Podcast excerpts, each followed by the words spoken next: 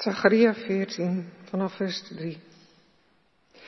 Daarna zal de Heer uittrekken en de strijd tegen die volken aanbinden, net als wel eer. Die dag zal hij zijn voeten op de olijfberg planten, ten oosten van Jeruzalem. De olijfberg zal in tweeën splijten. De ene helft glijdt weg naar het noorden en de andere naar het zuiden, zodat er een breed dal ontstaat van oost naar west. Jullie zullen wegvluchten, het dal in tussen die twee bergketens, dat zich zal uitstrekken tot aan Azel. Zoals jullie ook gevlucht zijn bij de aardbeving in de tijd dat koning Uzia regeerde over Juda. En de Heer, mijn God, zal verschijnen met alle hemelingen. Op die dag zal er geen licht zijn. De hemellichamen verliezen hun glans.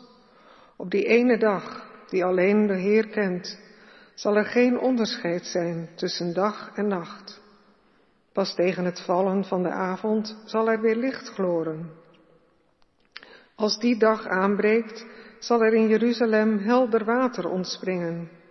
De ene helft zal in het oosten in zee uitmonden en de andere helft in het westen, zowel in de zomer als in de winter.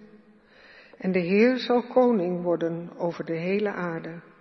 Dan zal de Heer de enige God zijn en zijn naam de enige naam.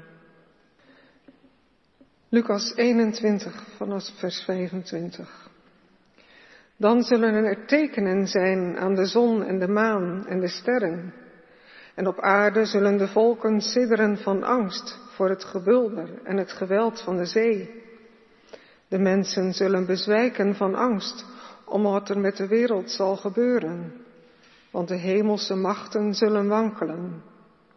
Maar dan zullen ze op een wolk de mensenzoon zien komen, bekleed met macht en grote luister.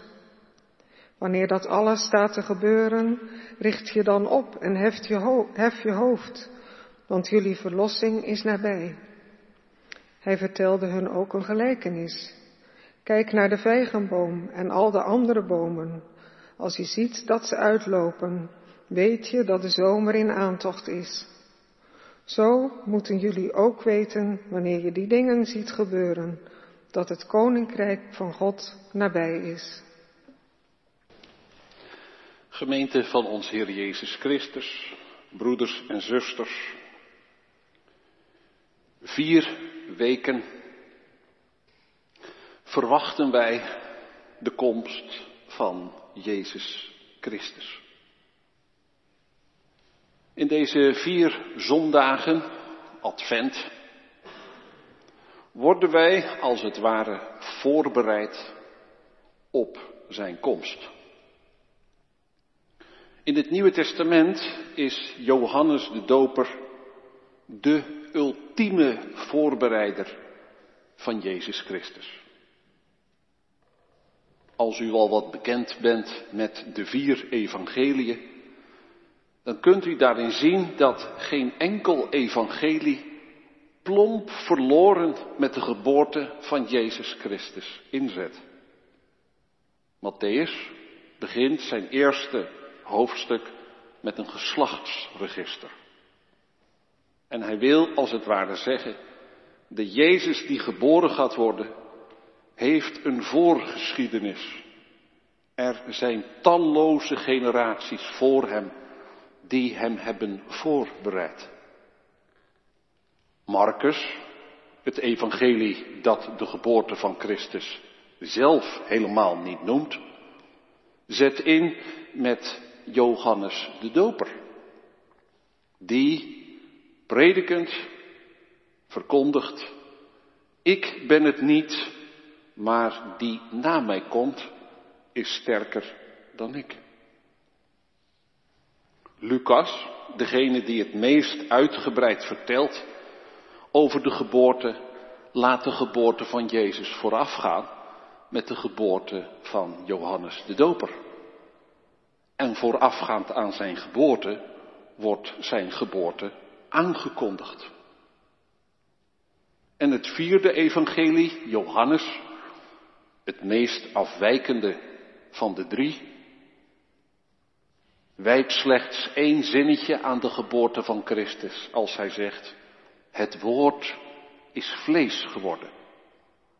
Maar zijn eerste hoofdstuk is één grote proloog over de betekenis van de logos, het woord.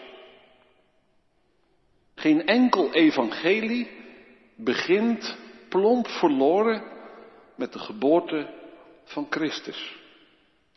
Je zou kunnen zeggen, er is altijd een voorbereiding. Je zou dat toe kunnen passen, bijvoorbeeld in de grote kring van hoe het evangelie ergens komt. In de tijd dat ik zelf opgeleid werd om missionair werk te doen in Latijns-Amerika, is mij op het Hendrik Kremer Instituut nadrukkelijk voorgehouden, als je ergens komt, ben je nooit de eerste. Al ga je zelfs naar een gebied toe op aarde waarvan je twijfelt of het evangelie daar ooit geklonken heeft, dan altijd is daar iets wat als een voorbereiding daarop gezien kan worden. Een handreiking zou je kunnen zeggen. Bijvoorbeeld wat ik zelf gelezen heb uit een onderzoek in de missiologie, dat ergens in Indonesië het evangelie kwam op een van de eilanden. En dat daar een, een structuur was van grote gemeenschapszin, waar mensen onderling goed voor elkaar zorgden. Ook voor de zwakken in de gemeenschap. En toen het evangelie daar kwam, en de missionarissen en welke titel je hen ook geeft, vanuit welke achtergrond dan ook, nadruk gingen leggen over op het persoonlijk tot geloof komen, tot bekering komen, individueel, jij als mens, dat de impact daarvan op de gemeenschap reducerend was. Doordat individuen tot geloof kwamen en dat als een soort olie of inktvlek over de gemeenschap heen ging halen, kwamen daar ook breuken in de gemeenschap. En na verloop van tijd werd er opnieuw onderzoek gedaan naar hoe het ermee stond. En het bleek dat met de komst van het christendom de gemeenschapszin verminderd was. Je zegt tegen. Dat klinkt toch wel heel paradoxaal. In die voorchristelijke setting was er meer gemeenschapszin dan toen het christendom kwam. Ja. Ja, dat zet wel erg aan het denken, zo'n onderzoek. Waarmee gezegd is, wil zijn, let op als je ergens komt, het kan zijn dat er al het een en ander is, wat als een voorbereiding of als een handreiking voor het evangelie kan functioneren. Of, ander voorbeeld, daar waar een, er een lacune is, een leemte. Een paar weken geleden promoveerde een vriend van mij op een Afrikaanse theoloog, Kwame Bediako, een Ghanese theoloog. En een van de dingen die deze Ghanese theoloog um, theologiseert is hoe de voorouderverering, die van origine in hun oude religie een belangrijke plaats innam, doorgezet kan worden in de christelijke religie. En ja, meestal wordt voorouderverering toch gezien als een heidens of een niet-religieuze praktijk die veel mensen angst inboezemt. Maar, zegt deze Afrikaanse theoloog, er zijn ook bijbelse gegevens die erop kunnen wijzen dat onze voorouders bij ons zijn. In Hebreeën bijvoorbeeld wordt gesproken over een wolk van getuigen die rondom ons zijn. Nou, zegt Kwame Bediaco, dat zouden zomaar ook onze voorouders kunnen zijn. Zij zijn bij ons. Maar in het christendom, waar Jezus Christus het centrum is, zouden we kunnen zeggen, Hij is onze eerste voorouder. Jezus Christus als de voorvader, de voorouder bij uitstek. Hij verlost ons van het kwaad wat ook in voorouderschap over kan komen. De angst. De angst dat er een vervloeking uitgesproken is. Of dat de geesten van de voorouders onder ons zijn en ons nadelig beïnvloeden. Dat kan niet het geval zijn, zegt Jacob. En hij theologiseert vanuit Jezus Christus als de eerste voorouder. Handreikingen of lacunes die er zijn voordat het christendom ergens komt. Maar je zou dit ook toe kunnen passen in kleinere kring. Dat er altijd een voorbereiding is.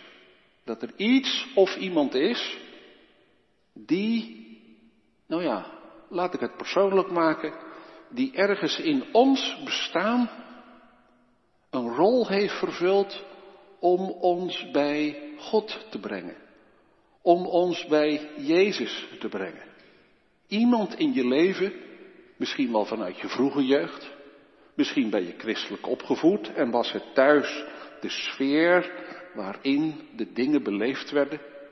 Of als je op latere leeftijd tot geloof gekomen bent door iemand anders, buiten je familie, een vriend. Iemand die je ergens mee naartoe nam, die je introduceerde. Iemand die je erover verteld heeft. Iemand die het heeft voorgeleefd. Deze mensen die als voorbereiders op ons geloof geduid kunnen worden. Wie speelde er in mijn leven een belangrijke rol? En in welk opzicht? En hoe lang heeft dat geduurd? Was dat maar een incident, een ontmoeting of was het een proces? Was het iemand die een tijdje met je opleefde of was het gewoon bij een event waar zo'n impact van uitging dat je er niet meer omheen kon, dat het je aansprak en in beslag nam. Johannes de Doper, zou je kunnen zeggen, is voor Jezus de ultieme voorbereider. Maar ook de voorbereider komt niet plomp verloren. Johannes de Doper, zijn bijnaam, de Doper, komt op uit een Joodse traditie de Joodse traditie van dopen. Wij kennen deze traditie wellicht hier in Nederland en in Europa vanwege de mikwes, de baden. Afgelopen week liep ik door de stad Dordrecht en ik maakte een historisch wandelingetje. En bij een van de panden stond een bord dat daar voorheen de Joodse synagoge heeft gestaan.